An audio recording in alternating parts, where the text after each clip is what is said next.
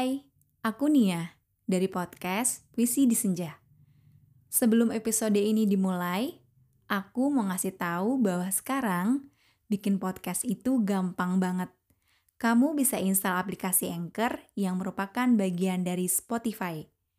Dengan Anchor, kamu bisa rekam dan publish podcast kamu langsung ke Spotify. Kabar baik lainnya, aplikasi ini tuh 100% gratis. Tidak pernah terbayangkan sebelumnya dalam hidup aku, aku mencintai atau bahkan sangat mencintai makhluk selain manusia. Mungkin di luar nalar manusia lain atau pada sudut pandang yang berbeda, mereka bisa bertanya dengan terheran, "Kok bisa?" Tapi ini bukan sebuah hal yang aneh. Ini tentang hati yang disentuh atau tersentuh entah oleh matanya, tingkah lakunya, atau bisa jadi Tuhan menciptakan rasa sayang pada perasaan lembutku untuk mereka. Itu tanpa aku duga sebelumnya. Kamu tidak akan pernah menyangka dan mengerti sebelum kamu ada di keadaan atau di posisi itu. Karena dulu aku juga beranggapan seperti itu. Mungkin beberapa pendengar dan followersku di sini sudah tahu kalau aku adalah cat lovers. Belum lama aku ditinggal kucing kesayanganku.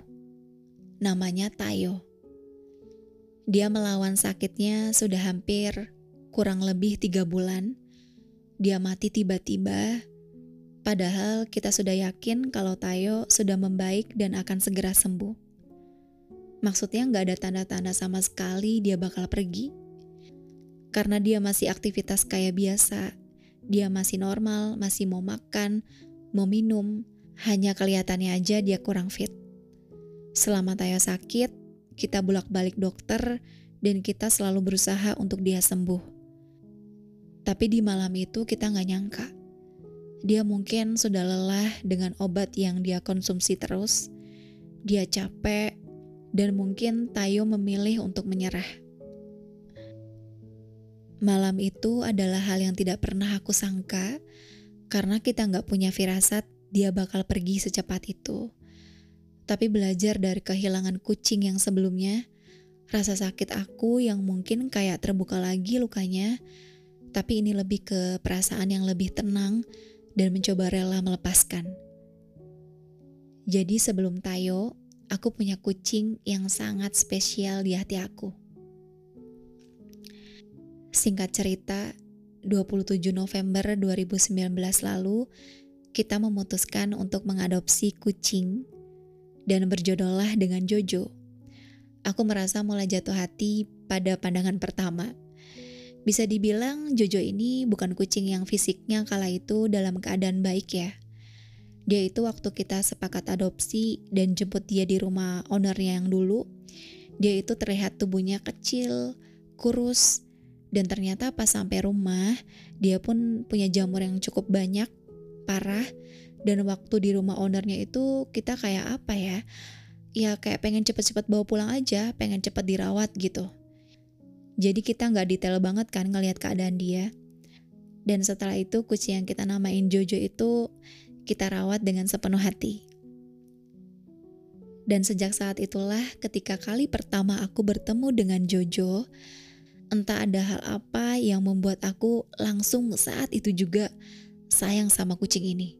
Dan aku merasa itu perasaan aneh yang gak pernah aku rasain sebelumnya.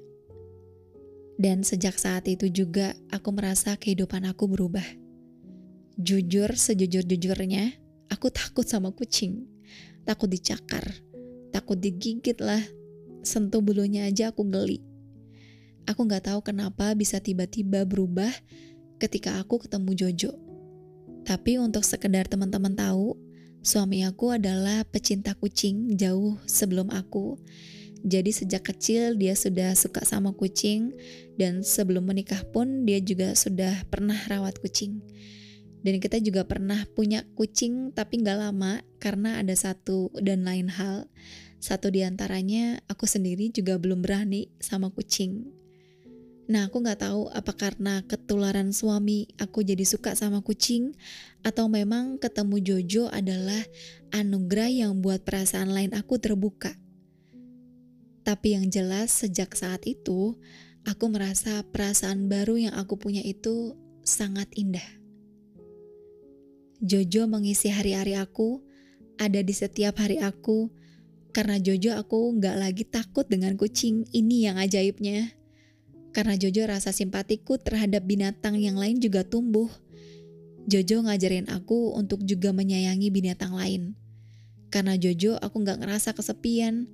Karena Jojo aku punya tempat cerita yang kadang gak perlu dengar komentar apa pun. Aku ngerasa semenjak ada Jojo, kehidupan aku jauh lebih baik. Yang buat aku juga tambah sayang sama dia, karena dia punya karakter manja yang bikin aku tuh luluh sama dia. Aku merasa dia sangat ketergantungan sama aku. Dia deket banget sama aku. Kita suka dusel-duselan di tempat tidur. Dia suka tidur bareng sama aku. Dia suka tidur di atas perut aku juga. Pokoknya kita deket banget dan aku sayang banget sama dia. Dan aku juga merasa dia sayang banget sama aku.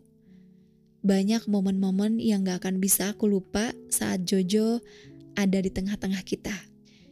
Jojo jadi penghangat rumah, ini kali pertama aku merasa punya kucing yang kayaknya bisa memahami bagaimana kondisi perasaan aku. Aku jadi kayak punya temen, bahkan kayak punya anak sendiri. Hingga pada suatu ketika, peristiwa yang gak pernah kita bayangin terjadi. Aku gak bisa cerita kenapa-kenapanya, karena nanti episode kali ini bisa gak kelar-kelar dengernya.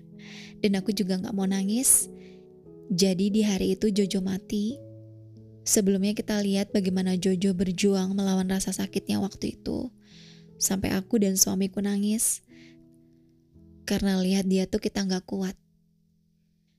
Sebenarnya buat episode kali ini, aku juga kayak membuka luka lama tentang akhir dari cerita Jojo di kehidupan aku.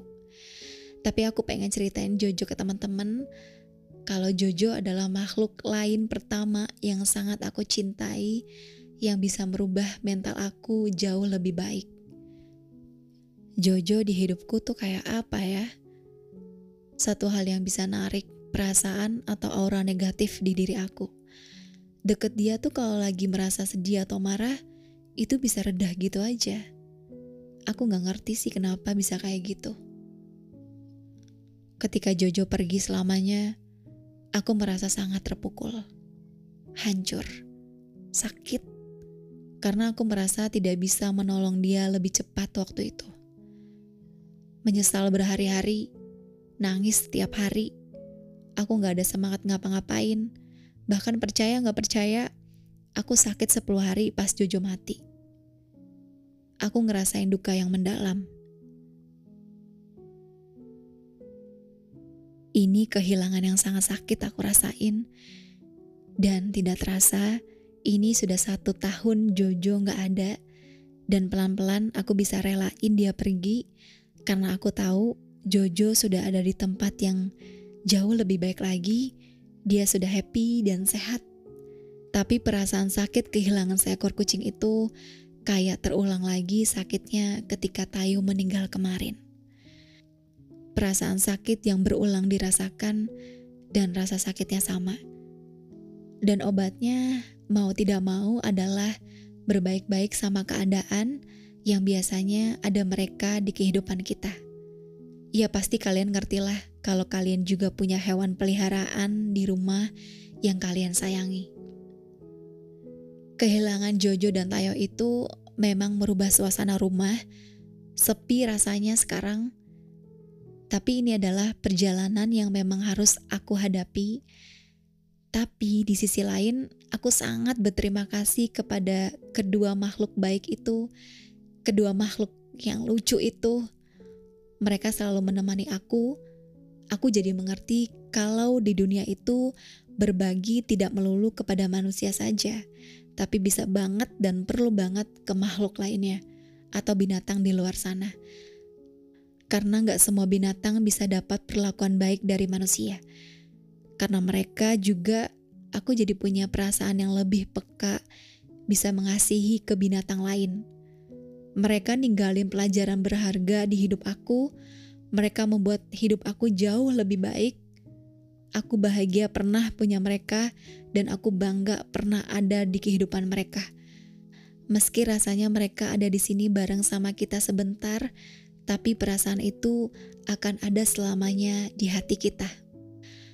Kalau bisa bicara di sini dan mereka mendengar dan mengerti, entah di mana pun mereka berada, aku pengen bilang, Jojo, Tayo, Momi Poppy udah gak sedih lagi, perasaan Momi udah lebih baik sekarang, Meski rasanya rindu itu gak akan pernah hilang. Semoga suatu hari nanti, di tempat yang lebih baik dan indah, Momi bisa bertemu dengan kalian meski bukan di surga. Amin.